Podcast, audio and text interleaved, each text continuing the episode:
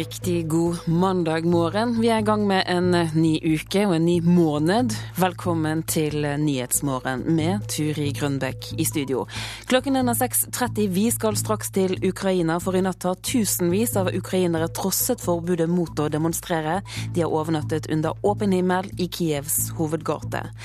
Så har vi snakket med statsminister Erna Solberg før hun reiser på besøk til EU og Nato. Og vi skal til Japan snart tre år etter ulykken på Fukushima-anlegget er det fremdeles fare for radioaktiv forurensning. Først til Ukraina nå, for selv om myndighetene forbyr demonstrasjoner, så har mange slått opp telt i hovedstaden Kiev. Demonstranter er også på vei til hovedstaden fra andre byer. I går demonstrerte rundt 100 000 imot at Ukrainas president ikke vil undertegne en samarbeidsavtale med EU. Grønne telt er slått opp i sentrum av hovedstaden Kiev. Selv om politiet forsøkte å jage demonstrantene bort med køller og tåregass i går og i natt, er likevel tusenvis igjen. De nekter å forlate sentrum. Nå holder de stand i en stor teltleir. De vil ikke gi seg, de unge ukrainerne som ønsker at landet deres skal nærme seg Europa og ikke fortsette å la seg dominere av Russland. Demonstrantene ser for seg en fremtid med muligheter i Europa, være seg studier eller arbeid. De vil ikke at president Janukovitsj tar fremtiden fra dem. Nå får demonstrantene støtte fra likesinnede i andre byer, for i natt kjørte mange hundre, ja kanskje tusener, i busser og biler fra Lvov til Kiev. Presidenten på sin side sier at Ukraina ikke har råd til å bryte med Russland. Det sa utenriksmedarbeider Sissel Wold.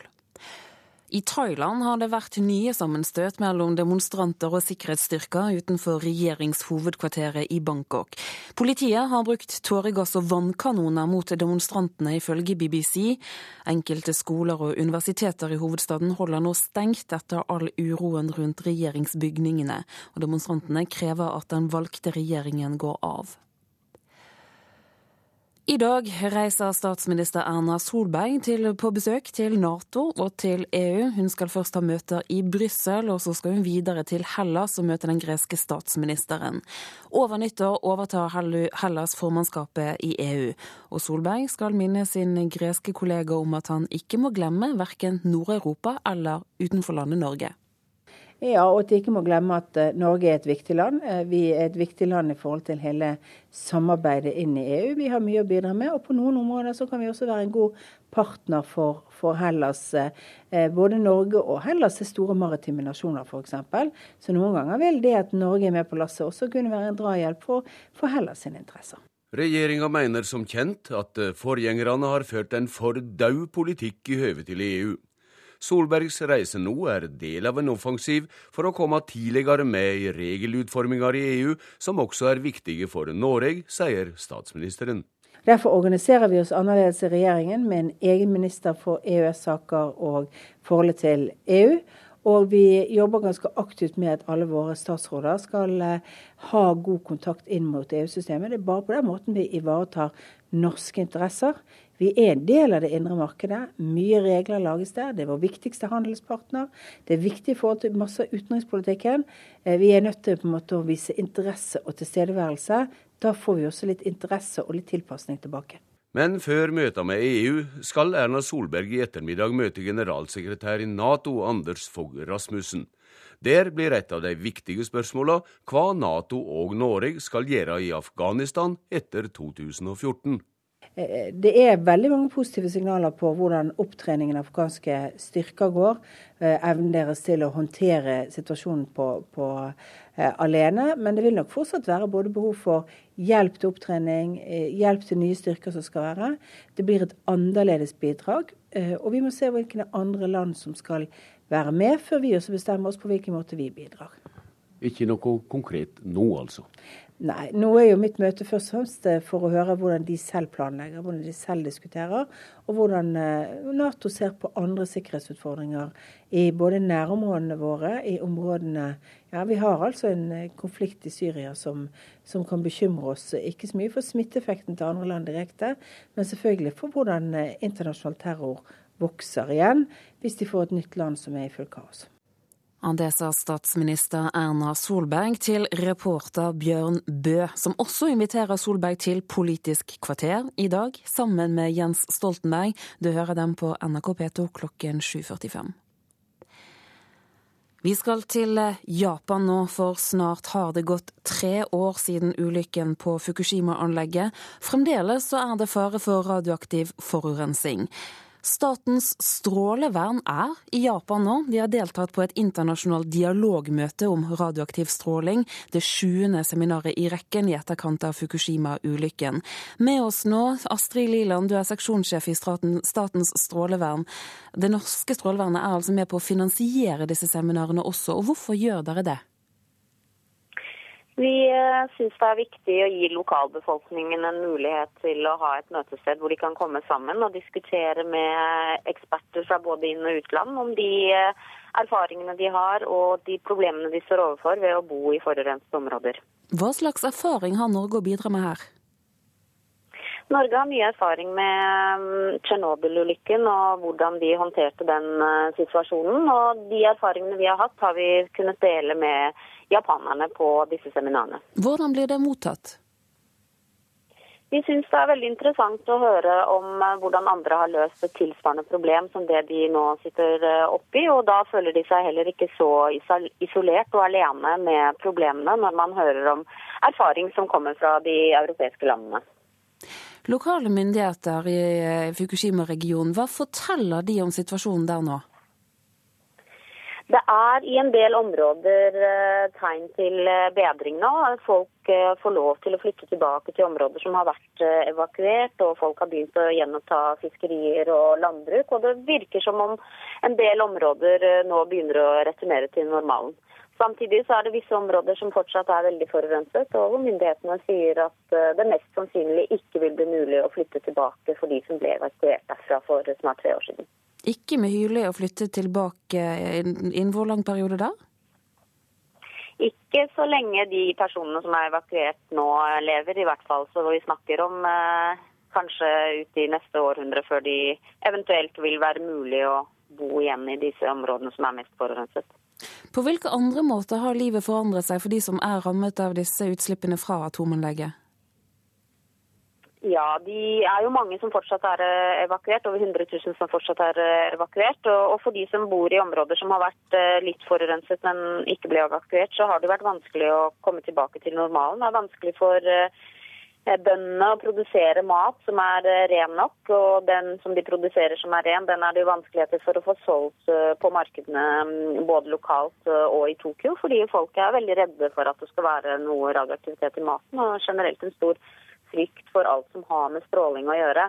Så fortsatt så har de ganske store vanskeligheter med å finne tilbake til en slags normal hverdag. Astrid Liland i Statens strålevern, takk for at du var med oss her i Nyhetsmorgen. Vi skal holde oss i Japan. Det skal fremdeles handle om norsk engasjement. For nå trekkes norske kommunepensjonspenger ut av Fukushima kraftverket. KLP trekker seg nå ut fordi selskapet Tepco ikke gjorde nok for å sikre atomkraftverket før katastrofen. Det vi eh, setter spørsmålstegn ved, er om sikkerheten er eh, høyt nok på agendaen i selskapet. Det handler dels om at man ikke har fått kontroll over situasjonen så langt, nesten tre år etter ulykken. Det handler også om at man undervurderte risikoen for tsunamier i forkant av ulykken. Det sier Heidi Finskas, rådgiver for ansvarlige investeringer i Kommunal landspensjonskasse, KLP. Fra og med i dag blir Tepco i lag med seks andre selskap ekskluderte fra KLP sine investeringsporteføljer. Og sjøl om Fukushima-anlegget ble råka av både jordskjelv og tsunamibølger, mener KLP at selskapet må ta noe av skylda sjøl. Ja, dessverre er det slik at de burde vært forberedt på det. IAEA e konkluderer også eh, nå i etterkant av ulykken at eh, risikoen for høyere bølger var fagmiljøet kjent med, og Tepco var også kjent med det. Men likevel hadde man ikke iverksatt noen tiltak. I don't think that the TEPCO will be able to escape from the criticisms. Keisuke Sadamori er sjef for energimarkeder og tryggleik i det internasjonale energibyrået IAEA. Men da Fukushima-ulykka skjedde, jobba han for den japanske statsministeren. Sadamori forstår kritikken av Tepco, men mener at også den japanske regjeringa må ta noe av skylda for at landet ikke var godt nok forberedt. It's not only TEPCO, but also the governments are to blame. And I was part of it, so that includes uh, uh, my reflection as well. I mars er det tre år siden den 14 meter høye bølja trefte Fukushima-kraftverket. Fremdeles er det stor fare for radioaktive utslipp. Så det er en ekstrem situasjon som uh, TEPCO har stått overfor, og, fortsatt uh, er midt oppi. Uh, og de har jobbet intenst med å rydde opp og få ordning og kontroll over situasjonen. Jeg burde ikke dere da belønne TEPCO da, istedenfor å straffe dem med å selge dere ut? Nei, Vi ønsker ikke å straffe selskapet. Dette her er en vurdering av vår, vårt bidrag. Eh, vi ønsker ikke å medvirke til uh, alvorlige miljøødeleggelser. Uh, og vår vurdering er at uh, risikoen for det i, i, dette tilfellet fortsatt er for høy. Reportere her var L. Wiseth og Linda Reinholdsen. Tiden er inne for å se nærmere på dagens aviser og hva de har på sine forsider. Vi har vært inne på det i Nyhetsmorgen nå. Det er urolig i Ukraina. I går var det store demonstrasjoner. Og dette er også tema i flere aviser i dag, bl.a. på forsiden til Aftenposten. Opprør mot presidentens nei til EU, skriver avisen. Dagbladet slår også dette stort opp. Annet skriver avisen at folket i Ukraina roper på revolusjon. I Sverige og i Danmark går flere og flere barn på privatskole, ifølge Klassekampen. Avisen skriver at kommunesammenslåing er en av årsakene, og at trenden snart kan komme til Norge. Økokrim mistenker Troms Kraft for grov korrupsjon. Det skriver Dagens Næringsliv. Det er basert på et brev til Oslo tingrett går halve livet uten fast jobb. Det er overskriften i Dagsavisen. Det handler om at én av fem norske forskere er midlertidig ansatt, og Forskerforbundet er bekymret. Nasjonen skriver om bøndenes bekymring for skattesmell når arveavgiften tas bort, mens VG skriver bl.a. om et kriminelt nettverk med kallenavnet Rosa Panter. Ifølge avisen driver nettverket med spektakulære ran over hele verden, og de har allerede prøvd seg i Norge. Etter ranet av Kinasamlingen fra Kunstmuseet i Bergen, så skal nå Kinasamlingen i byen boltes fast i gulvet. Det skriver Bergens Tidende. Mens julehandel er hovedsaken i Stavanger Aftenblad. I Rogaland er de noen av de som ligger på norgestoppen på pengebruk i julemåneden. De bruker over 10 000 kroner på julehandelen. Og så har Kirken laget en julekampanje om perfekt jul, som skulle provosere frem refleksjoner om julen. I stedet så blir kampanjen misforstått og oppfattet som frastøtende. Dette skriver Vårt Land, og det blir mer om dette i Nyhetsmorgen om litt. Men nå først. Marit Bjørgen og Martin Jonsrud Sundby imponerte stort i finske Kusamo med seier i verdenscupåpningen. Det kommer til å bli moro med OL i Sotsji, det mener NRKs langrennsekspert. Landslagssjef i langrenn, Vidar Løfshus, ser lyst på OL-sesongen i nasjonalsporten. Vi har hatt en veldig god treningshøst og veldig god sommer med trening, så jeg sier, trening hjelper. og det, Vi har vært friske, vi har vært raske, lite skada. Jeg har vært optimist i hele høst, og nå ser vi at det bærer frukter i form av resultater. og så skal vi stemme fram sånn som vi har begynt nå, og så blir det veldig bra fram mot Sotsji. Skinasjonen Norge tok i går rubbel og bit i Kosamo. Langrennsløperne og kombinertgutta vant sine verdenscupkonkurranser, og det ser svært lovende ut med tanke på OL i Sotsji i februar, mener NRKs langrennsekspert Carl Henning Gran. Norsk skisport eh, står veldig sterkt i inngangen til eh, denne OL-sesongen. Eh, årsaken til det er jo at det trenes mye, og det trenes veldig godt i alle ledd. Det har vært eh, gledelig å se at eh, så mange er eh, på vei mot storform. Og det er nye navn som melder seg på i kampen også? Ja, spesielt gledelig er det jo å se sånn som Chris Jespersen og Pål Golberg, som virkelig ser ut til å ha tatt stegene og melder seg på i kampen om OL-plassene. Norge har som målsetting å ta medaljer i alle langrennskonkurranser i OL. Ja, det har vi selvsagt eh, målsetninger om, men jeg vet jo det er flere som driver og kjemper til løypa som har de samme målsetningene. Og vi ser jo russerne med vanvittig sterkt herrelag, og svenskene med Kalla og Kowalczyk Vissa. og Amerikanerne er jo veldig bra på sprint og på stafett, så det blir ikke noe gåtur i hagen borti der, altså. Og verdenscupen i langrenn fortsetter på Lillehammer på lørdag. Reporteren var Pål Thomassen. Du lytter til Nyhetsmorgen i NRK P2 og Alltid nyheter. Klokken er 6.45. Dette er hovedsaker nå. Demonstranter i Ukraina nekter å gå hjem, er fremdeles ute i gatene trass i forbud mot demonstrasjoner. Tre år etter ulykken på Fukushima-anlegget i Japan er det fremdeles fare for radioaktiv forurensning. Og bli med oss videre i sendingen, for de stjålne gjenstandene fra Kinakunstsamlingen i Bergen er fortsatt ikke kommet til rette. I dag starter straffesaken.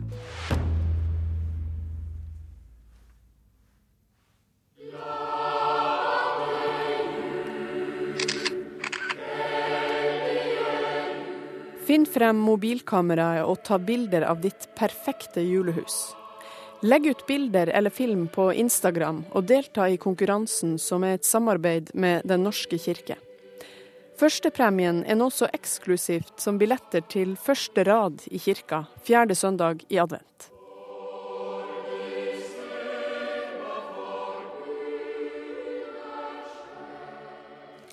Denne konkurransen her, den er lansert på nettstedet perfektjul.no, som fikk en del oppmerksomhet i går. Det var mange som ble lurt.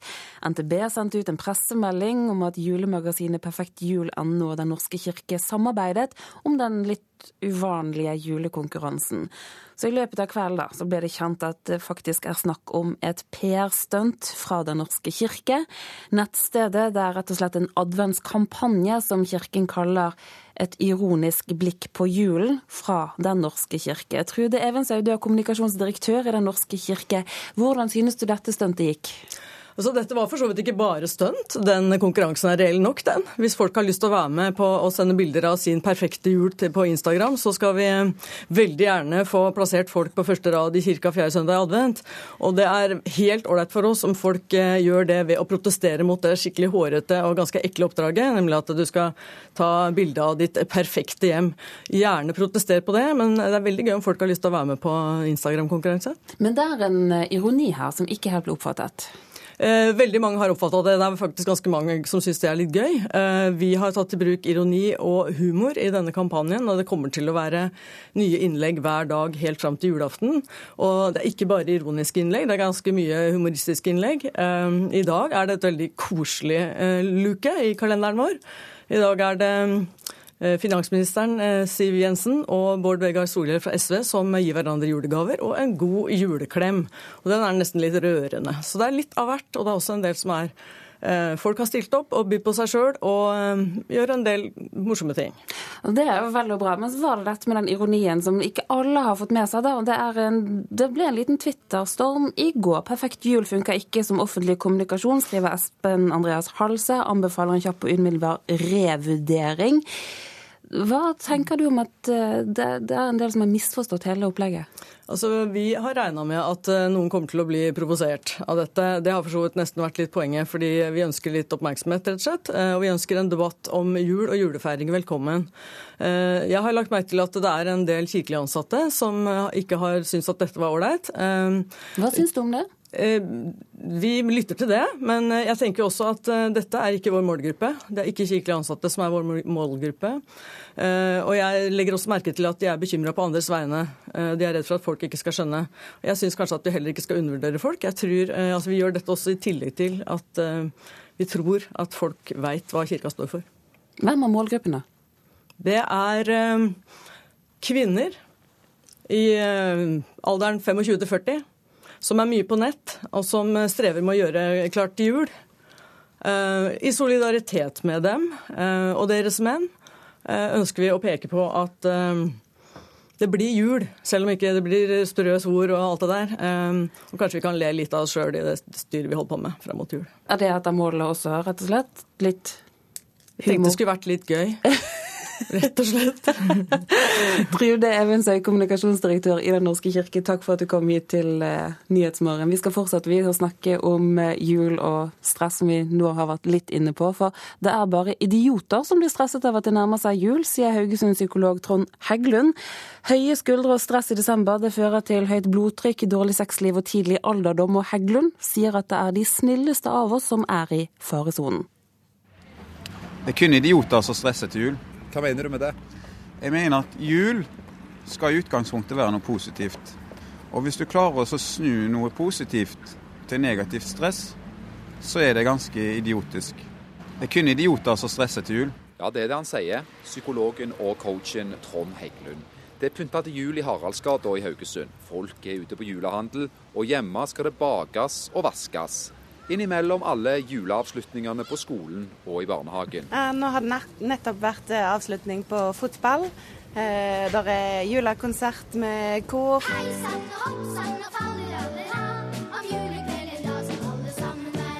Det er veldig lett å felle å gå i, fordi at eh, er, de fleste av oss er veldig snille og samvittighetsfulle. Vi ønsker alt godt. Det å innse at en kan ikke være med på alt, det kan kanskje være eh, veldig sunt av og til. Hva er det som er stress nå i desember? Ja, plutselig så har alle andre pynta til jul, og jeg kommer hjem fra ferie og har ikke gjort det. Eh, husvasken må tas, og forventningene til alt som skal bli gjort. Irene Strømsvold er på bytur sammen med mannen Thomas. De har fem unger. Thomas reiser snart offshore, og Irene regner med å få høy puls nå i desember. Ja, nok det. Du da? Nei.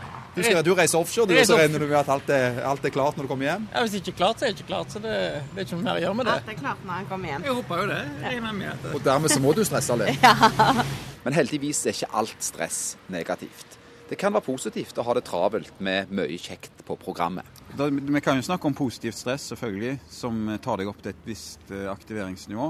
Men så er det da, på engelsk så er det strain, som er negativt stress, som fører til økt blodtrykk, fedmeproblemer, hjerteproblemer, familieproblemer, sexproblemer, problemer i forhold til ungene, tidlig alderdom osv. Uff, uff, uff.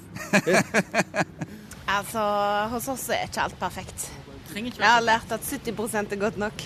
Ingen som skal se inn i skapene mine til jul likevel. Jula 2013 den kommer aldri igjen. Og veldig mange personer som jeg har i coaching, de snakker om eh, livet og barndommen sin. Og hva de har lyst til å gjøre for sine unger. Eh, men så er det selvfølgelig sånn at situasjonen distraherer oss litt. Og noen ganger så bruker vi situasjonen som unnskyldning. Pga. det og det, så ble det litt stress i år. Er det noen av oss er spesielt i, i faresonen i forhold til det å bli desember og julestressa? Som sagt så er det faktisk eh, gode intensjoner. Så kjekke, snille folk som vil det beste, samvittighetsfulle folk, er i faresonen. Og reporteren, det var Johan Mile Laugaland. Omtrent 4000 eh, strømkunder har så langt søkt om kompensasjon etter at stormen Hilde feide over Trøndelag. Langt flere har trolig krav på penger. Dersom du har vært uten strøm i mer enn tolv timer, så har du rett på erstatning. Ja, det sto nå eh, at eh, kompensasjon for strømavbrudd. Og i og med at vi hadde brudd over 24 timer, så fikk jeg 1400 i avslag på neste regning. Og det var veldig sånn gledelig brev å få, da, like før jul. Lena Eriksen er en av de som allerede har fått svar fra E-verket. Hun har rett på og får kompensasjon etter strømbrudd. Mange har søkt, men trolig er det langt flere som har rett på erstatning. Alle som har vært mer enn tolv timer uten strøm, har nemlig det. Torbjørn Oppland er markedssjef i Nord-Trøndelag E-verk Nett. Per i dag nå så begynner vi å nærme oss 4000 henvendelser om, eh, om, kompensasjoner. Jeg har ikke noe eksakt tall på hvor mange som, eh, som kan ha rett eh, på en, sånn, på en sånn, kompensasjon, men det er, nok, det er nok flere enn 10 000. Det er jeg rimelig sikker på, ja. Reporteren var Kjartan Trana. I dag møter seks menn i Bergen tingrett etter kinakunsttyveriet på Vestlandske kunstindustrimuseum tidligere i år. Samlingen er Europas største og eldste samling av kinesisk kunst. To av de tiltalte gjennomførte tyveriet inne i museet, mens de fire andre hjalp til på utsiden. De 23 antikke gjenstandene som tyvene fikk med seg, er fortsatt ikke kommet til rette. Dette innbruddspunktet. Eh, de beveger seg der på videoen, så er en av de løper mellom, mellom skulpturene her, og så beveger seg en rett linje eh, bort eh, til montrene. Fra de kommer inn til de er ute igjen, så går det halvannet minutt. Daværende direktør Erlend Høyersten ved Vestlandske kunstindustrimuseum viser hvordan tyvene greide å ta med seg de verdifulle kinesiske kunstskattene 5.1 i år. Det er 23 gjenstander som er stjålet. Eh, de er relativt håndterlige. Eh, det er gjenstander i jade, bronse, treverk og eh, porselen, bl.a. Og svært viktige gjenstander fra museet sa Høyersten til NRK noen timer etter tyveriet. Gjenstandene som ble tatt fra det som er en av Europas største og eldste samlinger av kinesisk kunst, er fortsatt ikke kommet til rette. Politiet samarbeider med Art Loss Register i London i en internasjonal jakt på kunsten, selv om den formelle etterforskningen er lagt på is mens saken pågår. Forsvarer Harald Stabel forventer at dette blir tema i retten. Nei, Politiet og påtalemyndighet vil nok forsøke å, å få frem opplysninger som kan uh, føre til at uh, dette kunsttyveriet blir uh, oppklart hva gjelder gjenstandene. Men om det skjer, det gjenstår jo å få vite under hovedforhandlingen eventuelt. To personer tok seg inn i museet gjennom en glassvegg i tilknytning til nabobygget. De fire andre skal ha satt biler i brann rundt i byen for å avlede politiet. Alle seks er tiltalt etter straffelovens paragraf 60a, som har en strafferamme på elleve år. Stabel stiller seg uforstående til anvendelsen av den såkalte mafiaparagrafen. Nei, Under enhver omstendighet så vil det bli prosedert på at eh, den ikke kan anvendes. Og jeg går også ut fra at det vil bli prosedert for de øvrige tiltalte også. Aktor Magne Kvamme Sylta mener innbruddet var gjort etter omfattende planlegging og var en godt koordinert operasjon. Bruken av mafiaparagrafen vil han imidlertid ikke kommentere før saken starter i dag. Bjørn Aarli er også forsvarer i saken. Han stiller seg bak Stabel, og mener påtalemyndigheten vil ha problemer med å bevise skyld i forhold til mafiaparagrafen. Likevel er han forberedt på at spørsmål om mulige bakmenn og hvor kunsten er blitt av, kommer opp. Det jeg kan uttale meg om der, det er at min mann hevder at han ikke har aning om verken bakmenn eller hvor eventuelt tyvegodset skal ha tatt leie. Reporter, det var Thomas Alverstein Ove. Vi skal ta med et værvarsel nå som gjelder frem til midnatt. Fjellet i Sør-Norge får kuling utsatte steder i høyfjellet. Fra i formiddag litt snø eller sludd i vestlige områder, men ellers oppholdsvær. Østafjells liten kuling sent i kveld. Det blir oppholdsvær og perioder med sol de fleste steder. Rogaland får liten kuling fra i kveld. Det blir oppholdsvær, men fra i ettermiddag litt regn og yr. Hordaland og Sogn og Fjordane sørlig opp i liten kuling på kysten i sør. Det blir stiv kuling på kysten i nord. Økende til liten storm ved Stad. Litt regn og yr og snø i indre og høyere strøk. Møre og Romsdal og Trøndelag får økning til sørvestlig sterk kuling på kysten, stedvis liten storm. Det blir regn og snø over 600 meter, men lite nedbør i indre strøk av Møre og Romsdal og Sør-Trøndelag. Helgeland og Saltfjellet sørvestlig stiv kuling. Fra i ettermiddag av og til sterk kuling på kysten. Det blir snø fra sør, men senere regn. Salten, Ofoten, Lofoten og Vesterålen får sørlig liten kuling. Fra i tidlig ettermiddag sørvestlig stiv og til dels sterk kuling på kysten. Snø fra sør og senere regn. Troms forbigående oppholdsvær. I ettermiddag sørøstlig liten kuling. Sørvestlig stiv kuling i kveld. Det blir snø fra sør. Finnmark nordvestlig liten kuling utsatte steder. Det blir snøbyger, men oppholdsvær på vidda. I formiddag minking til skiftende bris i vest, i ettermiddag også i øst, og det blir minkende bygeaktivitet. Og Nordensjøland på Spitsbergen, der blir det skiftende bris. Spredte snøbyger på kysten i vest, men ellers delvis skyet oppholdsvær. Temperaturene målt tidligere i dag morges viser at det var minus 14 grader på Svalbard.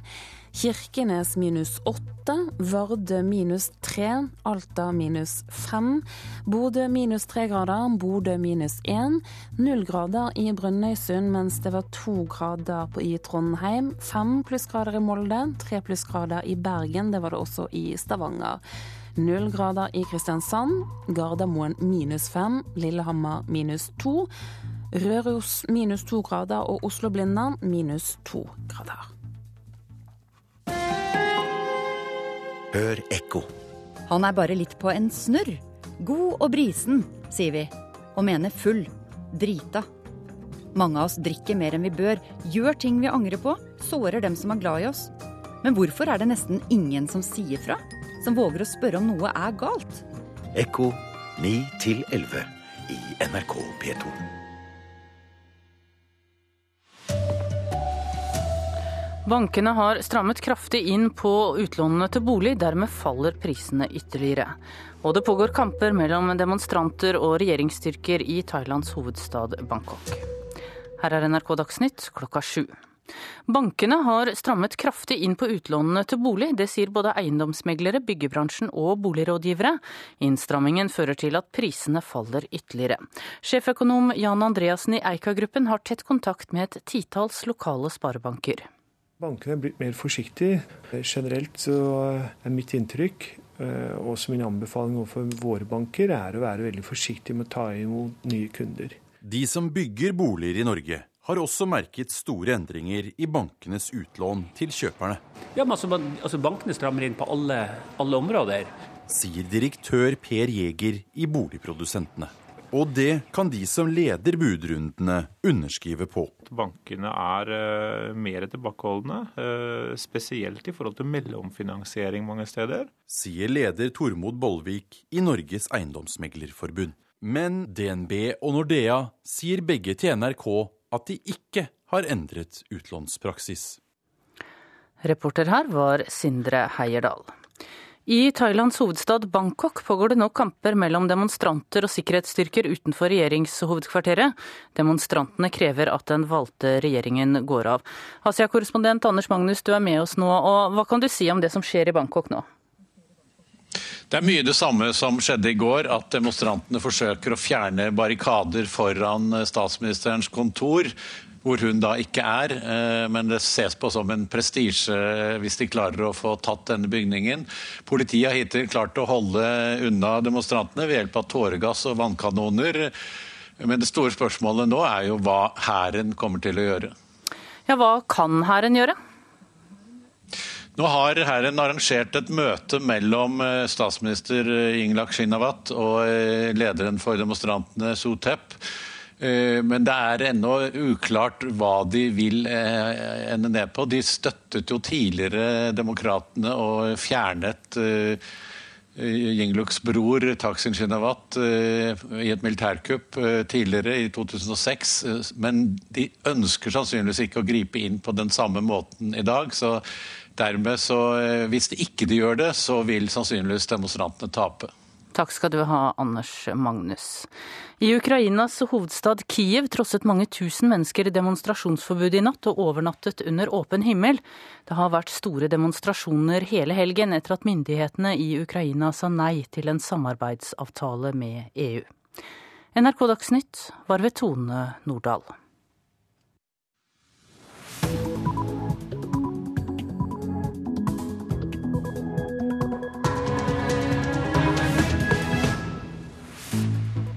Nyhetsmorgen fortsetter nå i NRK P2 og Alltid nyheter, bl.a. om at fastleger bør begynne å blande seg mer i pasienters drikkevaner. Det mener overlege. Og så skal vi følge med på utviklingen i Ukraina, for fra Russland kommer det nå advarsler om borgerkrig i Ukraina. Vi skal til vår korrespondent om litt. Alkoholvaner bør bli et vanlig tema på legekontoret. Det mener klinikkoverlege ved Trasoppklinikken Asle Enger. Han synes fastleger må tørre å spørre mer om drikkevaner. Vi har først og fremst spurt, først og spurt folk hva, hva de synes. Ja, det syns jeg grunnen de gjerne kan gjøre. Nei, det er vel egentlig en privatsak. Det er jo en privatsak, men det er jo helsa di. Så hvis fastlegen ikke er interessert i helsa di, så er jo på en måte vitsen med fastlege borte. Og nå utfordrer overlege Asle Enger fastlegene. Han mener de må tørre å spørre pasientene om alkoholvaner.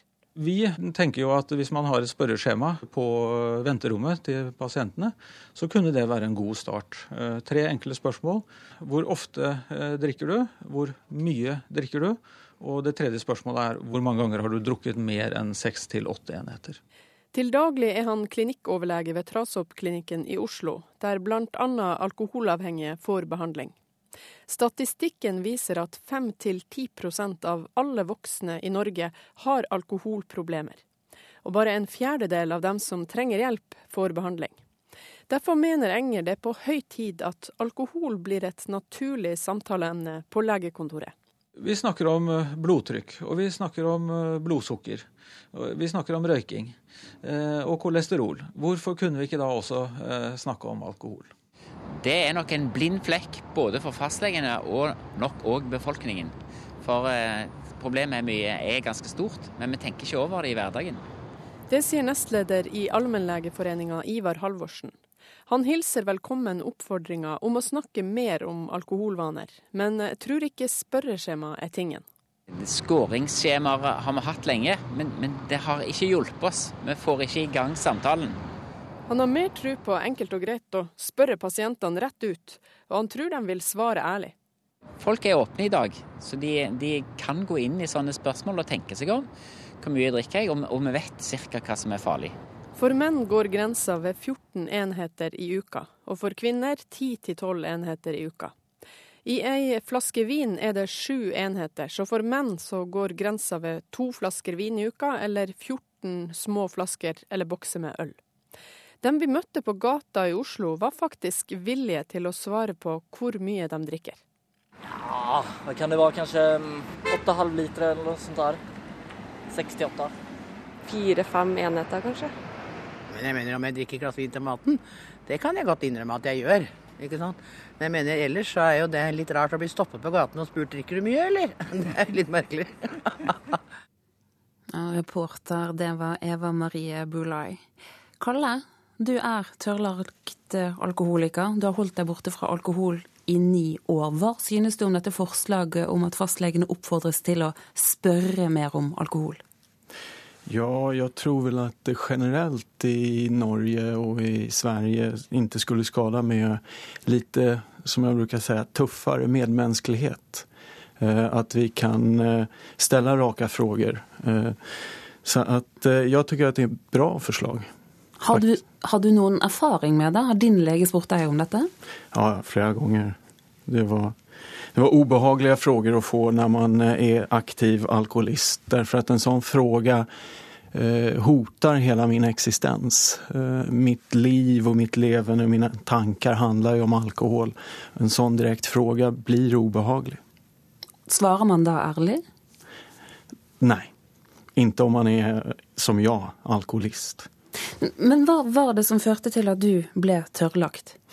Ja, det var jo en kedja av konsekvenser skulle jeg vel kunne si. Det var, gikk fort for meg. Jeg var 31 år da jeg ble tørrlagt. Och det var fängelsedom, det var förlorat jobb, det var förlorad bil, det var förlorad lägenhet, flickvän försvann, vänner försvann. Och till slut hade jag liksom bara två alternativ. Antingen var det att gå till anonyma alkoholiker eller att försöka ta livet av mig. Och vill man leva så är inte att ta livet av sig en bra utväg. Så att eh, det blev att gå till A. Anonyme alkoholikere, hvem var det som fikk deg inn der? Ja, det var ju bland annat Eh, läkare och den här eh, konsekvenskedjan som gjorde att jag hade bara det alternativet kvar. Liksom. Så att, eh, och det var, det, var även, det var ju läkare som föreslog att jag skulle gå till anonyma alkoholister. Och Det hjalp deg også å bli edru gjennom dette tolvtrinnsprogrammet. Men hvilke grupper tror du kan fanges opp dersom leger da tør å stille disse spørsmålene? Jeg tror at det er bra å stille frågor. Jeg tror også at det er bra å være säga, rak og envis i sine frågeställningar. Därför att misstänker man at det er et for stort alkoholforbruk så har man kanskje rett.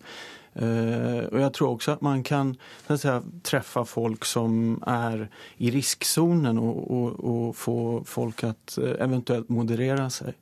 Uh, jeg kan ikke si at det här kommer å ha den effekten. Det, det kan jeg eh, tro. Men eh, jag tror definitivt at eh, avstigmatisera frågan litt grann og gjøre den diskutabel og gjøre den eh, rumsren, kan jeg säga. Kjenner du folk som har fått hjelp via fastlegene? Ja, ja, absolut. Eh, Det kommer folk til den AA-gruppen der jeg går i så kommer det folk som har fått eh, henvisning fra fastlege Och eh, AA som sådant, vi forsøker å, og har ofte ett väldigt gott samarbete med fastleger rundt om i landet. Så absolutt, eh, absolut, det gjør jeg. Og jeg er en av dem også. Men det, også er dere veldig opptatt av at alt skal skje anonymt. Hvorfor det? Ja, det, man kan väl säga, jag tror att eh, generellt så har eh, samhället en lite skev bild av eh, anonyma alkoholiker. Man tror kanske att det är gamla män som kommer direkt från gatan och så vidare. Men så är det absolut inte. Det är på, I AA så finns det allt från företagsledare, kändisar och folk som kommer direkt från gatan. Så att det är också för att försöka skydda... uh, man skal kunne være anonym. Vi må si takk for at du var med oss her i Nyhetsmorgen. Bra. Takk. Vi skal snakke om banker nå. Banker som har strammet inn på utlånene. Dette kan lett bli en ond spiral for boligmarkedet, der prisene faller ytterligere. Dette rapporterer både eiendomsmeklere, byggebransje, rådgivere og privatkunder.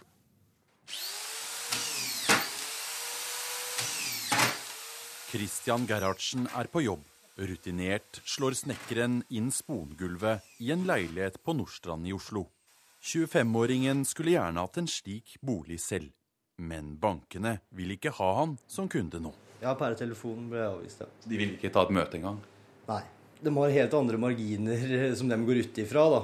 Men jeg har jo en gjennomsnittlig inntekt og mener når jeg behersker en husleie i måneden, så kunne jeg beherska lignende på en boliglån i måneden. Og Gerhardsen er ikke alene.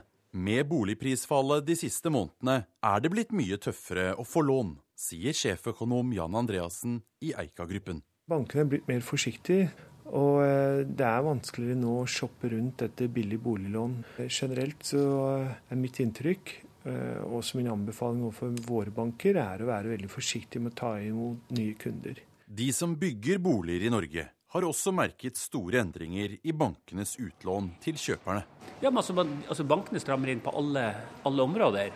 Sier direktør Per Jæger i Boligprodusentene. Når bankene begynner å endre utlånspraksis, så får vi effekter som bankene ikke forventer.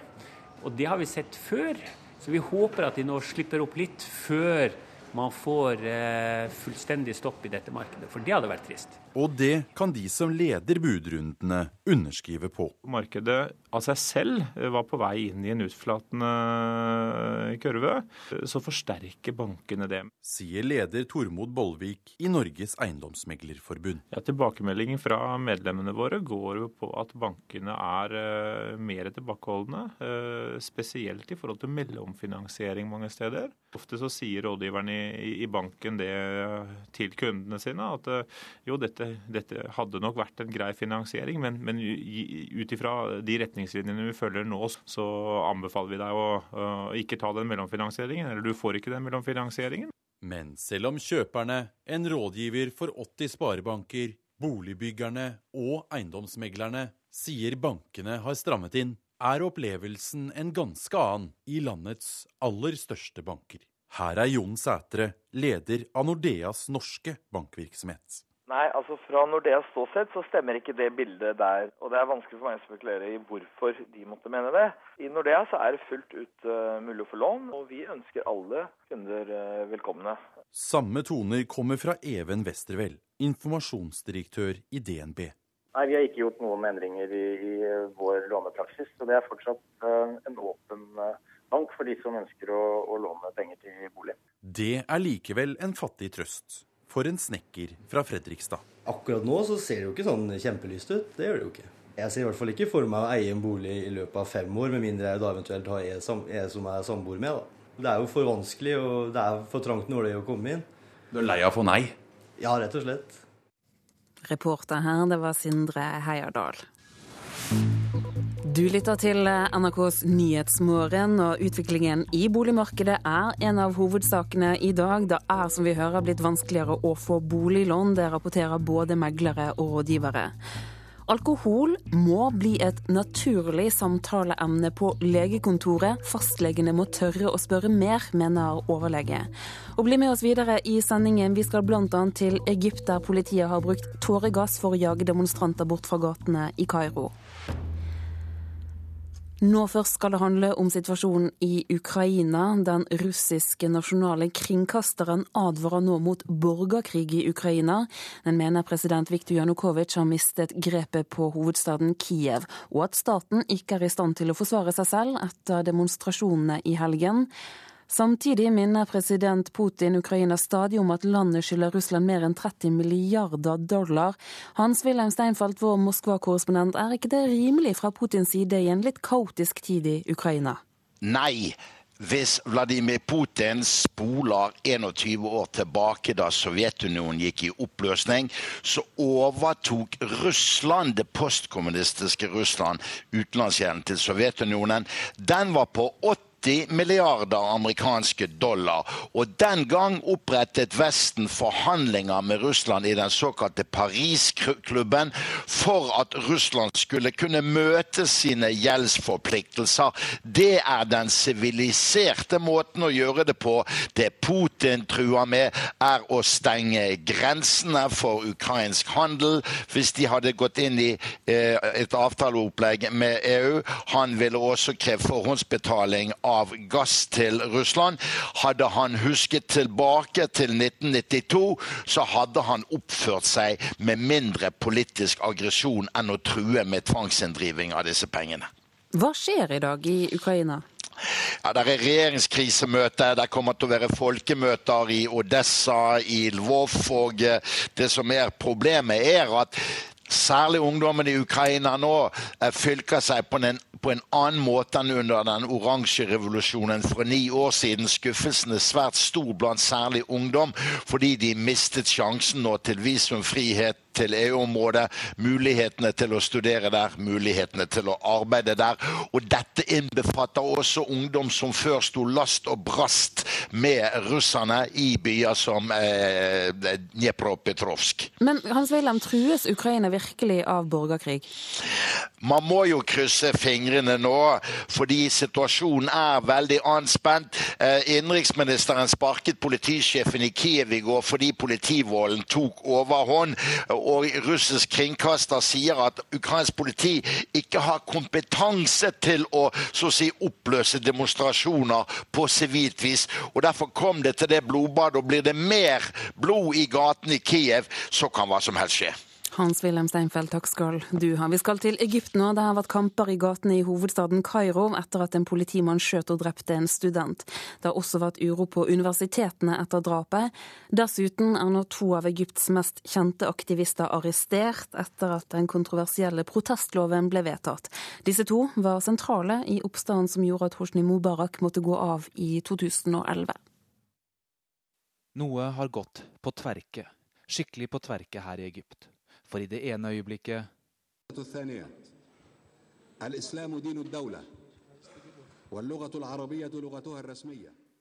sitter Amer Mosa, tidligere utenriksminister under Hosni Mubarak og mislykket presidentkandidat fra i fjor, og får stemt gjennom en grunnlov i grunnlovsforsamlingen han leder, mens i det andre arresteres en av Egypts aller mest kjente sosiale aktivister, Alaa Abdul Fattah, tiltalt for å ha oppfordret til demonstrasjoner. Den nye protestloven, vedtatt av en utpekt og ikke valgt regjering, umuliggjør demonstrasjoner av den type som veltet Mubarak, og som tillot folk som Amer Moussa å stille som presidentkandidat. Protestloven har startet en ny periode med uro her i landet. Abdul Fattah ble arrestert da rundt 20 politimenn midt på natten trengte inn i leiligheten hans, ransaket den og tok med seg alt av mobiltelefoner og datamaskiner, og da Fattah ifølge hans kone slo de til både ham og henne.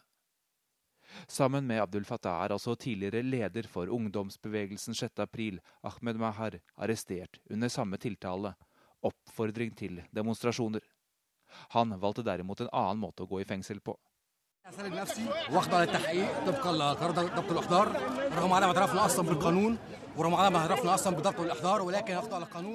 Jeg melder meg selv for politiet for avhør etter beslutningen deres om å arrestere meg. Jeg er uenig i loven, men i vår bevegelse har vi noen prinsipper, og risikoen for fengsel er en del av det. Og derfor melder jeg meg nå, sa han til nyhetsbyrået Reuters, omgitt av andre medlemmer av 6. april-bevegelsen. Også på universitetene er det stor uro.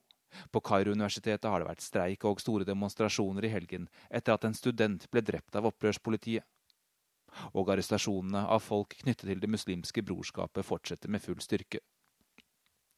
21 kvinner, mange av dem under 18 år, ble dømt til harde fengselsstraffer for å ha deltatt i demonstrasjoner til støtte for den avsatte presidenten Mohammed Morsi. Fem av Morsis rådgivere forsvant i sommer, og siden har ingen hørt fra dem, ifølge menneskerettighetsorganisasjonen Human Rights Watch. Politiet og Innenriksdepartementet ser åpenbart på kuppet mot Mohammed Morsi den 3. juli som en anledning til å gjenvinne den samme posisjonen og makten de hadde under Hosni Mubarak. Og fortsetter det som dette, blir alle detaljene og spissfindighetene som diskuteres i grunnlovskomiteen til Amer Mosa, ikke annet enn nettopp det. Detaljer og spissfindigheter, mens politiet vil kunne ture fram mot aktivister og dissidenter akkurat som de ønsker. Sigurd Falkenberg Mikkelsen, Kairo. I Skottland, i fredagens helikopterkrasj i Glasgow, så har nå totalt total krevd ni menneskeliv. I natt fant redningsmannskapene ytterligere én person i ruinene. Rundt 120 personer var til stede for å høre et band spille på puben da et helikopter utenfor varsel styrtet i bygningen. Minst sju arbeidere omkom og tre ble skadet da det brøt ut brann i en tekstilfabrikk i den norditalienske byen Prato i går. Arbeiderne lå og sov på en provisorisk sovesal i andre etasje på fabrikken. Elfenbenskysten har sendt dødsskvadroner til nabolandet Ghana for å drepe tilhengere av landets tidligere president Lauren Gabo. Det går frem av en FN-rapport. Myndighetene i Ghana hevder å ha avslørt to forsøk på å drepe eller bortføre nære medarbeidere av den tidligere presidenten. I går skjøt Kina opp en rakett som satte kurs for månen. Om bord er en liten gul månebil som skal utforske måneoverflaten. Og denne rakettoppskytingen den er historisk, for det er første gang Kina sender et kjøretøy til månen. Og presidenten i Kina har lovet å gjøre landet til en stormakt i verdensrommet. Tiden er inne for å se nærmere på avisene og hva de har på forsidene sine i dag. Sverige og Danmark der går flere og flere barn på privatskole, ifølge Klassekampen. Avisen skriver at kommunesammenslåing er en av årsakene, og at trenden snart kan komme til Norge. Går halve livet uten fast jobb? Det er overskriften i Dagsavisen. Dette handler om at én av fem norske forskere er midlertidig ansatt, og at Forskerforbundet er svært bekymret. Økokrim mistenker Troms Kraft for grov korrupsjon. Det skriver Dagens Næringsliv, og dette er basert på et brev som er sendt til Oslo tingrett. Nasjonen skriver om bøndenes bekymring for skattesmell når arveavgiften tas bort. Så er det urolig i Ukraina. Vi har vært inne på det i Nyhetsmorgen tidligere. Det var store demonstrasjoner i går og også i natt, og dette er tema i flere aviser i dag. På forsiden til Aftenposten står det 'opprør mot presidentens nei til EU'. Så er dette også et stort oppslag bl.a. i Dagbladet. Avisen skriver at folket i Ukraina nå roper på en revolusjon. VG skriver bl.a. om et kriminelt nettverk med kallenavnet Rosa Panter. Ifølge VG så driver dette nettverket med spektakulære ran over hele verden, og de har allerede prøvd seg i Norge. Tidligere i år ble Kinasamlingen fra Kunstmuseet i Bergen stjålet, og nå skal Kinasamlingen rett og slett boltes fast i gulvet. Det skriver Bergens Tidende. Kirken har laget en julekampanje om perfekt jul som skulle provosere frem refleksjoner om julen, men i stedet så blir kampanjen misforstått, og enkelte oppfatter den som frastøtende. Det skriver Vårt Land.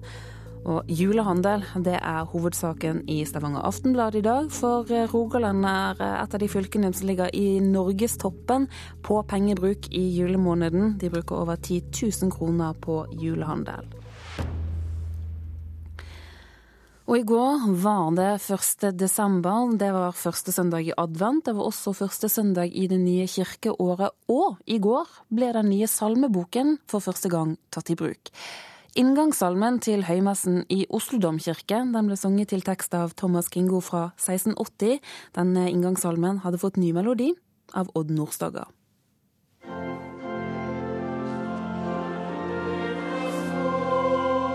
Vi hører inngangssalmen. Opp gledest alle, gledes no med fagnad, fred og heilag ro, i Herren dykkar gleda. Den gamle melodien er fra 1820. Denne nye skrev Odd Nordstoga i 2009.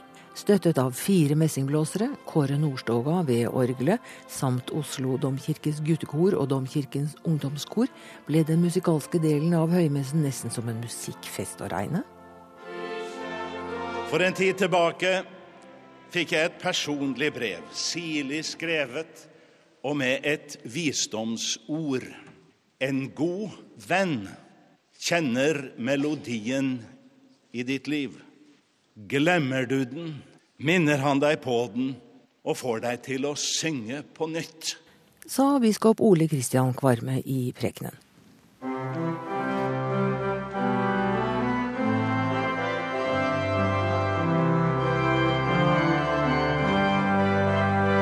Det ble jo en del litt forvirret blading frem og tilbake i den nye, tykke salmeboka på rundt halvannen tusen sider, som favner både de tre samiske språkene, kvensk, svensk og engelsk, i tillegg til bokmål og nynorsk, i nesten 50-50-fordeling. Veldig mye ukjent. Ja. Ukjente melodier og, som vi ikke har brukt i gudstjeneste før. Og ikke så overraskende, kanskje, synes standpunktene på det å ta i bruk en ny salmebok og dele seg mellom gammel og ung. Jeg syns det er veldig fint at vi får inn noen av nyere tekster. Eh, Edvard Hoem og Bjørn Eidsvåg er noe som på en måte, vi som på en måte er litt yngre, eh, kjenner oss igjen i og har et forhold til. Oslo-bispen ønsket den nye salmeboken gledelig velkommen. Det er jo en stor begivenhet i kirka vår, men også i folket vårt og i kulturen vår. Ja, hvorfor er det så stor begivenhet at det kommer en ny salmebok? Kan vi ikke greie oss med de gamle? eh, livet står ikke stille. Det gjør heller ikke den kristne menighet, heller ikke sangen og musikken. Den er i stadig utvikling. Forfatteren Edvard Hoem er også dagens viktigste salmedikter her i landet. Hele elleve av tekstene hans er det funnet plass til. Men gjendiktningen hans av Amazing Grace, som er en av de mest kjente hymnene i den kristne verden, ble etter en del støy vraket av Kirkerådet. HM har imidlertid latt seg imponere av bredden i utvalget. Det er så mye forskjellig, slik at alle vil finne noe der som er for dem, vil jeg tro. Reporter i Oslo domkirke, det var Sølvi Fosseide. Flere og flere unge og nyutdannede lærere søker seg til østkantskolene i Oslo. De skolene som tidligere slet med å rekruttere kvalifiserte lærere, har de siste fem årene kunnet lokke med bl.a. høyere lønn og gratis etterutdanning. Dette er gutterommet. Kom med det rommet her. Stort sett uh, matte og naturfag og gymlærere. De relativt nyutdanna lærerne Sondre Gjelstad og Kjersti Stenersen viser fram arbeidsplassen. De jobber på Haugenstua skole, en skole som lenge sleit med å rekruttere kvalifiserte lærere. Vi har også lest at uh, typisk østkantskoler eh, sleit med å få gode lærere, og sleit med resultater blant elevgruppa. Siden 2009 har skolen vært en del av Utdanningsetatens tiltaksplan for rekruttering av lærere til østkantskoler.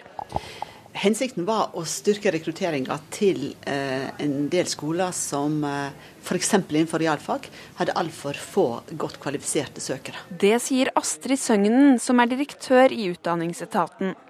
Fem år etter har lista på syv skoler blitt til 26, og over 400 lærere har blitt rekruttert til skolene med lokkemidler som høyere lønn og veiledning. Du kan få inntil tre lønnstrinn. Eh, du kan få, eh, få, veiledning med nedsatt undervisningstid. Eh, og det tredje punktet det er at du kan få, få tatt praktisk-pedagogisk utdanning, betalt den. Vi foretar en vurdering nøyaktig hvert år før det kommer med nye skoler. Og vi har nå beslutta at den ordningen den fortsetter. Gran skole på Furuset var også en av skolene som var med fra 2009. Rektor Randi Sømo sier at skolen har fått mye ut av tiltakspakken. Vi så jo på gamle, tidligere lister at det var alltid vært søkere, men det har ikke vært så mange utdanna lærere som har søkt. Sånn at vi så at nå fikk vi et, et annet uh, Vi fikk andre søkere enn vi har fått før. Vi ønsker at det skal fortsette. Lærerne Sondre og Kjersti på Haugenstua er i alle fall fornøyde med ordningen. Det jeg eh, fikk var tre ekstra lønnstrinn på stillingen min. Eh, I tillegg så fikk jeg veiledning én time i uka. Eh, som kanskje egentlig var det beste. Fordi det er ganske tøft å komme som nyutdanna lærer. Men var du klar over at det var en, denne tiltakspakka? At du kunne få noen fordeler ved å søke deg hit? Ja, jeg var det. Det sto i, i stillingen. Penger betyr jo litt. Men jeg, jeg, liker å tro at det ikke betyr så veldig mye. Men eh, som en liten sånn vippefaktor er det jo helt klart. Reporter her, det var Siran Øsal Gildirim. Og nå blir det Dagsnytt. Bankene har strammet kraftig inn på utlånene til bolig. I Ukraina trosset mange tusen mennesker demonstrasjonsforbudet i natt. Og fastlegene må tørre å spørre pasienter hvor mye de drikker, sier overlege. Her er NRK Dagsnytt klokka 7.30. Bankene har strammet kraftig inn på utlånene til bolig. Det sier både eiendomsmeglere, byggebransjen og boligrådgivere. Innstrammingen fører til at prisene på bolig faller ytterligere, og noen har gitt opp drømmen om å få lån til egen bolig. Christian Gerhardsen er på jobb. Rutinert slår snekkeren inn spongulvet i en leilighet på Nordstrand i Oslo. 25-åringen skulle gjerne hatt en slik bolig selv, men bankene vil ikke ha han som kunde nå. Ja, per telefonen ble jeg avvist, ja. De vil ikke ta et møte engang? Nei. Med boligprisfallet de siste månedene er det blitt mye tøffere å få lån, sier sjeføkonom Jan Andreassen i Eika-gruppen. Bankene er blitt mer forsiktige. Generelt så er mitt inntrykk, eh, og som min anbefaling overfor våre banker, er å være veldig forsiktig med å ta imot nye kunder. De som bygger boliger i Norge, har også merket store endringer i bankenes utlån til kjøperne. Ja, men altså, altså Bankene strammer inn på alle, alle områder. Sier direktør Per Jæger i Boligprodusentene.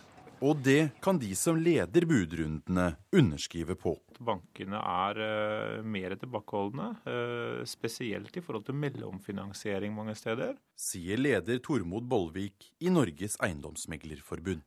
Men i Norges største banker kjenner de seg ikke igjen i kritikken. DNB og Nordea sier begge til NRK at de ikke har endret utlånspraksis. Det er likevel en fattig trøst for en snekker fra Fredrikstad. Akkurat nå så ser det jo ikke sånn kjempelyst ut. Det gjør det jo ikke. Det er jo for vanskelig, og det er for trangt nåløye å komme inn. Du er lei av å få nei? Ja, rett og slett. Reporter her var Sindre Heierdal. I Ukrainas hovedstad Kiev trosset mange tusen mennesker demonstrasjonsforbudet i natt og overnattet ute under åpen himmel. Folk fra andre byer i Ukraina drar nå til hovedstaden for å være med og demonstrere. Avslappet stemning etter gårsdagens harde sammenstøt. Nå er grønne telt slått opp i sentrum av Ukrainas hovedstad. For selv om politiet forsøkte å jage dem bort med køller og tåregass i går, er likevel tusenvis av demonstranter igjen. De nekter å forlate sentrum av Kiev. Nå holder de stand i teltleiren. For de vil ikke gi opp, de unge ukrainerne som ønsker at landet deres skal nærme seg Europa, og ikke fortsette å la seg dominere av Russland. De ser for seg en fremtid med muligheter i Europa, være seg studier eller arbeid. En fremtid de ikke vil at president Janukovitsj skal ta fra dem. Nå får demonstrantene i Kiev støtte fra likesinnede i andre byer. For i natt kjørte mange hundre, ja kanskje tusener, i busser og biler fra Lvov til hovedstaden. Presidenten sier at Ukraina ikke har råd til å bryte med Russland. Parlamentets president Vladimir Rybak sier ifølge BBC at opposisjonen og representanter fra regjeringen skal møtes i dag, og lover at alle sider skal bli hørt på de planlagte møtene. Reporter her var Sissel Wold. I Thailand holder flere skoler og universiteter i hovedstaden Bangkok stengt i dag pga. demonstrasjonene der. Det er nye sammenstøt mellom politi og demonstranter utenfor statsministerens kontor, og politiet bruker tåregass mot demonstrantene. Demonstrantene som er kritisk til regjeringen, krever at den skal gå av og erstattes av et folkeråd som ikke er demokratisk valgt. Fastlegen spør om blodtrykk, blodsukker, røyking og kolesterol. Hvorfor kan ikke legen også spørre pasienten om alkoholvaner? Det spørsmålet stiller overlege ved Trassoppklinikken Asle Enger, og noen syns det er helt greit om legen spør. Men jeg mener om jeg drikker glass vin til maten, det kan jeg godt innrømme at jeg gjør. Det er vel egentlig en privatsak. Ja, kanskje litt rart. Hvorfor skal den bry seg om det, egentlig?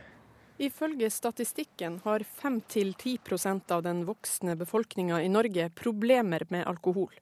Og bare en fjerdedel av dem som trenger hjelp, får behandling. På Trasoppklinikken i Oslo behandler klinikkoverlege Asle Enger rusavhengige. Og nå vil han at fastlegene skal snakke mer om alkohol. Vi tenker jo at hvis man har et spørreskjema på venterommet til pasientene, så kunne det være en god start. Eh, tre enkle spørsmål. Hvor ofte eh, drikker du? Hvor mye drikker du? Og det tredje spørsmålet er hvor mange ganger har du drukket mer enn seks til åtte enheter? Skåringsskjemaer har vi hatt lenge, men, men det har ikke hjulpet oss. Vi får ikke i gang samtalen. Det sier nestleder i Allmennlegeforeninga Ivar Halvorsen. Han er helt enig i at fastleger bør spørre pasientene sine mer om drikkevaner, men har størst tro på den gode, gamle samtalen. Han tror alkoholproblemer ofte forblir skjulte, fordi de gjemmer seg bak andre navn. Høyt blodtrykk, overvekt, nyreskade, hjertesykdom. Som kan vise seg å ha en sammenheng med for høyt alkoholinntak. Men ville pasientene svart ærlig på spørsmål om alkohol? Ja, si det. Jeg tror kanskje jeg hadde blitt litt sånn overrasket. Men uh, hadde vel svart ærlig, tenker jeg. Så du har blitt spurt av legen din? Hvor... Ja, selvfølgelig har jeg det. Blir ikke alle det? Ja? Reporter var Eva Marie Bulai. Og det blir mer om alkoholproblemer i Ekko på P2 og på Puls i kveld. I dag og i morgen besøker statsminister Erna Solberg Nato og EU. Hellas overtar formannskapet i EU fra nyttår. Og Solberg har med en klar appell til den greske statsministeren når hun møter ham i Aten i morgen. Det som er viktig for oss, er at når Hellas blir, at, eh, at ikke alt fokuset da flytter seg til eh, middelhavsområdene og utfordringene. Og de er store. De kan vi se med flyktningstrømmer, med økonomisk utvikling. Men det er viktig at vi også har et fokus på spørsmålene som ligger i Nord-Europa, vår tilpasning. Derfor er det viktig tidlig å ha et møte med dem. Siden Gro Harlem Brundtlands andre regjering på 1980-tallet har utenforlandet Norge hatt konsultasjonsmøte, som det heter, med det tilstundende formannskapet i EU. Formannskapet går på omgang mellom medlemslandene i et halvt år om gangen. Regjeringa vil ha en mer offensiv EU-politikk, og det tar statsministeren med seg når hun i morgen møter presidenten i EU-kommisjonen, rådspresidenten og altså statsministeren i Hellas. I EU er det sånn, har du noe å bidra med, så er du en interessant partner. Og da har vi også en mulighet for å snakke om det som er våre særlige interesser. Erna Solberg ble intervjuet av Bjørn Bø. Og før hun reiser, så møter Erna Solberg Jens Stoltenberg i Politisk kvarter på P2, og det skjer klokka kvart på åtte. Nesten 4000 strømkunder har så langt søkt om kompensasjon etter at stormen Hilde feide over Trøndelag. Men langt flere har trolig krav på penger. Dersom man har vært uten strøm i mer enn tolv timer, har man krav på erstatning. Vi hadde brudd over 24 timer, så fikk jeg 1400 i avslag på neste regning. Og det var veldig sånn gledelig brev å få, da, like før jul. Lena Eriksen er en av de som allerede har fått svar fra E-verket. Hun har rett på og får kompensasjon etter strømbrudd. Mange har søkt, men trolig er det langt flere som har rett på erstatning. Alle som har vært mer enn tolv timer uten strøm, har nemlig det. Torbjørn Oppland er markedssjef i Nord-Trøndelag E-verk Nett. Per i dag nå så begynner vi å nærme oss 4000 henvendelser om, eh, om kompensasjoner. Reporter her var Kjartan Trana. Norge kan gjøre det godt i langrenn i OL i Sotsji neste år.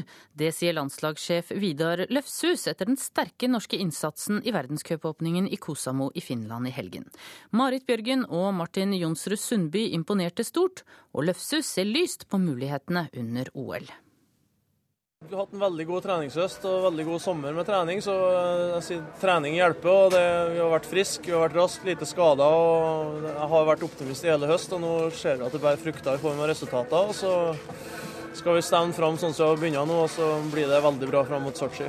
Skinasjonen Norge tok i går rubbel og bit i Kosamo. Langrennsløperne og kombinertgutta vant sine verdenscupkonkurranser, og det ser svært lovende ut med tanke på OL i Sotsji i februar, mener NRKs langrennsekspert Carl Henning Gran. Spesielt gledelig er det jo å se sånn som Chris Jespersen og Pål Golberg, som virkelig ser ut til å ha tatt stegene og melder seg på i kampen om OL-plassene. Norge har som målsetting å ta medaljer i alle langrennskonkurranser i OL. Ja, Det har vi selvsagt eh, målsetninger om, men jeg vet jo det er flere som driver og kjemper til løypa som har de samme målsetningene. Reporter her var Pål Thomassen. Tidligere prest i Vålerenga menighet, Einar Gelius, har søkt ny jobb som sogneprest. Han er eneste søker til jobben som prest i Ibestad menighet i Troms, skriver Harstad Tidende. Gelius sluttet som prest i Vålerenga kirke i 2011, etter at han ga ut den kontroversielle boka Sex i Bibelen. I morgen skal menighetsrådet i Ibestad bestemme seg for om Gelius skal kalles inn til intervju. Ibestad er en liten øykommune i Troms fylke, med rundt 1400 innbyggere. Ansvarlig for dagsnyttsendingene denne morgenen er Gro Arneberg. Det tekniske ansvaret har Hans Ole Hummelvold. I studio Tone Nordahl.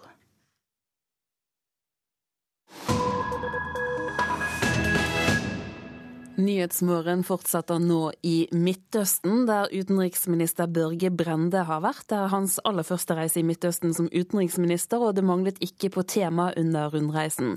Han har vært både i Jerusalem, Ramallah, Betlehem, Amman og til slikt flyktningleiren Satari nord i Jordan, der det bor 80 000 syrere. Midtøsten-korrespondent Sigurd Falkenberg Mikkelsen tok en oppsummerende samtale med Brende i bilen på vei til et ventende fly i Amman. Det har vært et eh, besøk som da har konsentrert seg eh, mye om Israel, eh, Palestina og de fredsforhandlingene som nå må skje fremover, og også om Syria.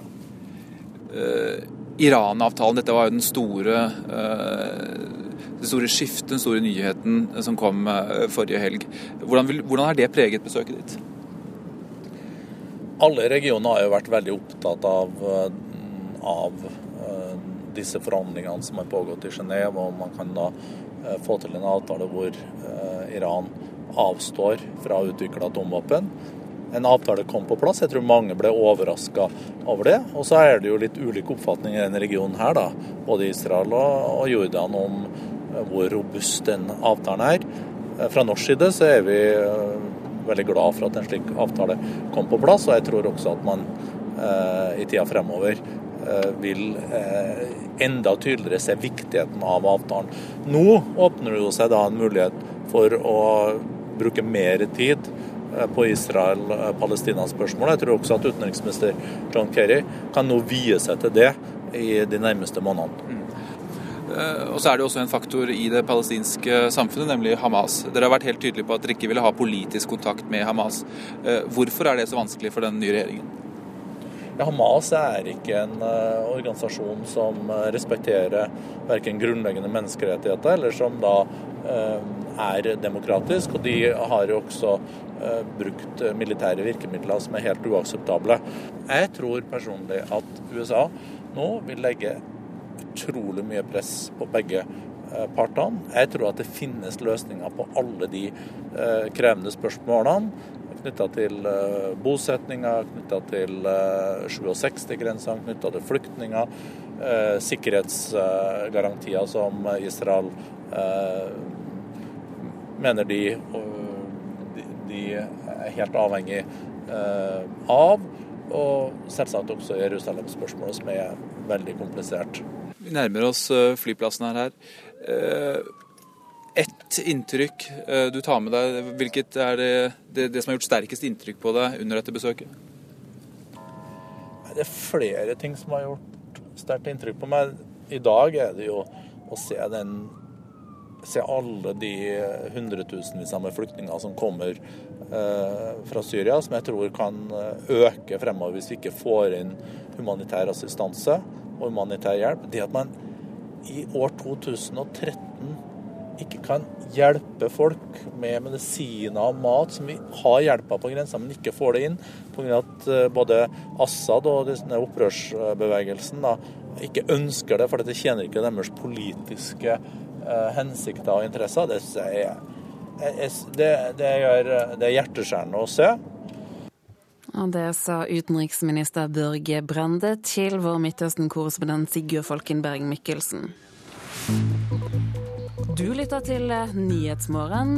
Dette Klokken nærmer seg 7.44. Dette er noen av hovedsakene. Det er blitt vanskeligere å få boliglån. Dermed faller boligprisene. Dette rapporterer både meglere og rådgivere.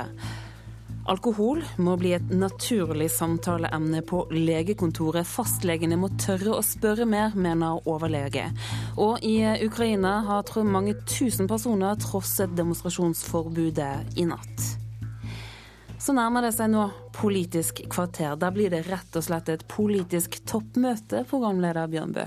Det gjelder kampen om makta. Den er for tida hjå Erna Solberg, og det er Jens Stoltenberg som utfordrer.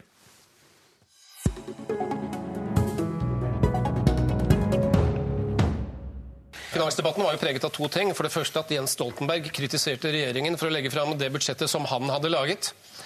For det andre at eh, han eh, kritiserer regjeringen for å drive forskjellspolitikk og for å bryte løfter. Eller sagt på en annen måte dere ødelegger landet, og på langt nær så fort som dere hadde lovet. Ja.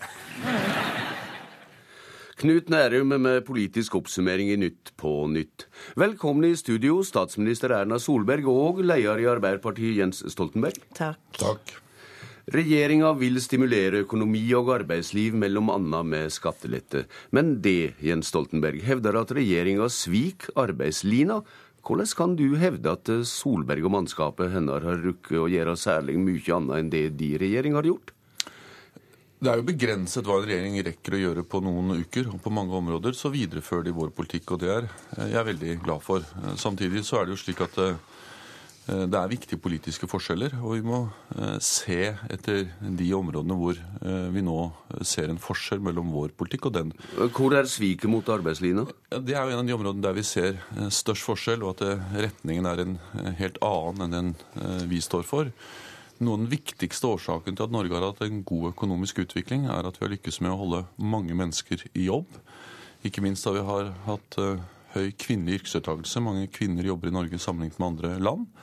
Det har ikke kommet av seg selv. Det handlet om barnehager, om foreldrepermisjon, om skattesystemet vårt. Og Det er bra for likestillingen, det er bra for integreringen, men uh, det er der vi nå ser at man går i en annen retning ved å gjøre barnehagene dyrere. Uh, mange tusen færre barnehageplasser gjennom å uh, utvide kontantstøtten. Det er ikke så viktig det man gjør i år, men det er det man varsler at man skal utvide med et helt nytt årskull. Og gjennom å beholde det som heter skatteklasse 2. Alt dette gjør det dyrere å jobbe. Og det treffer med kirurgisk presisjon der hvor eh, arbeidstilbudet er mest sårbart, nemlig kvinner, og ikke minst blant innvandrere. Solberg, du er under mistanke for å ville mye gale, hører du her? Nå angriper eh, Jens Stoltenberg to tiltak som kom inn i, eh, i, forhandlingene på Stortinget, som Kristelig Folkeparti ønsket tilbake igjen. Men jeg syns det er litt rart at eh, det å bare halvere og ikke gå helt vekk fra skatteklasse 2, at det på en måte nå blir det store temaet for Arbeiderpartiet. De har altså styrt på med skatteklasse 2 de siste åtte årene.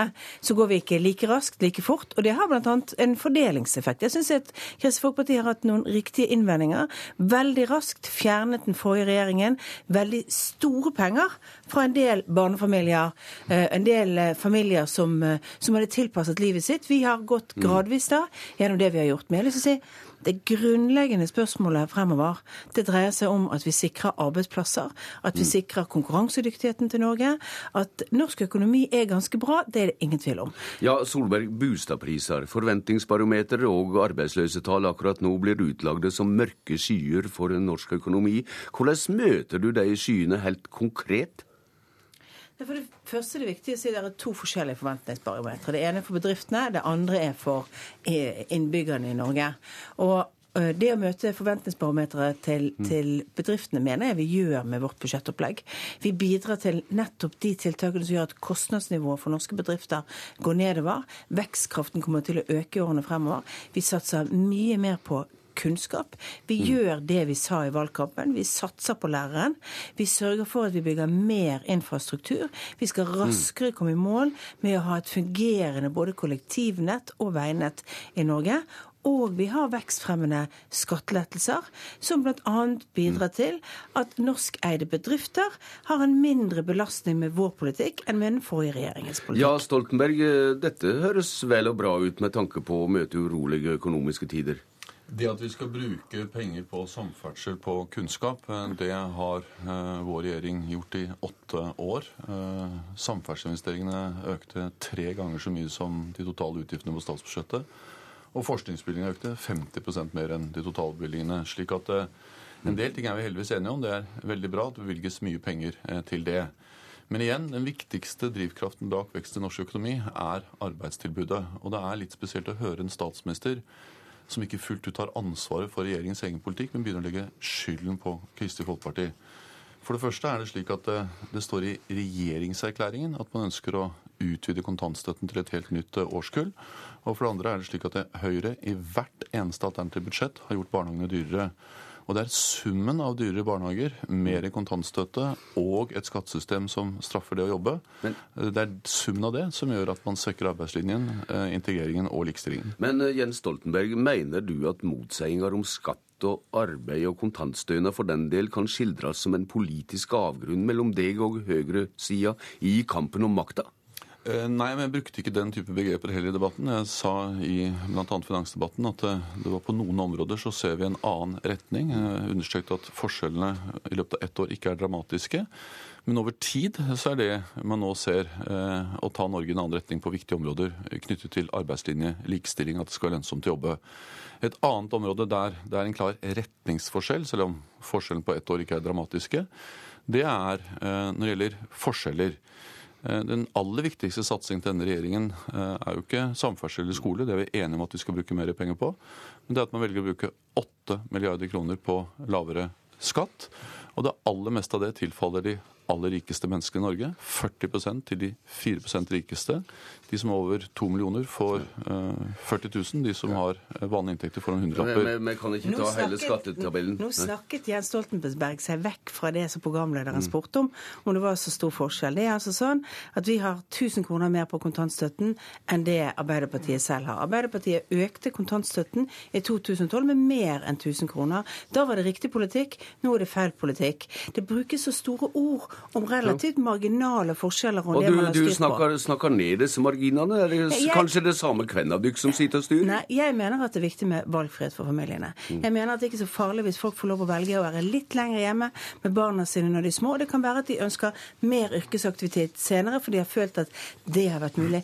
Største utfordringen på yrkesdeltagelsen er jo faktisk at vi ser et eh, fall eh, i løpet av de siste årene i aldersgruppen mellom 20 og eh, 55 år, med nesten med over 2 prosentpoeng i forbindelse med altså i, i sysselsettingsbit.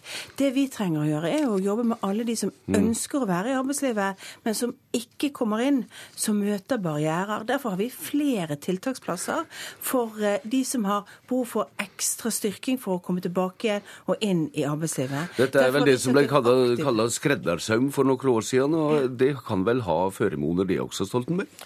Ja, men jeg tror vi må altså Arbeidsmarkedstiltak er veldig viktig, eh, og det har vi lagt til rette for. og Det er en av grunnene til at vi har nå rekordmange mennesker i jobb og eh, den laveste arbeidsløsheten i Europa.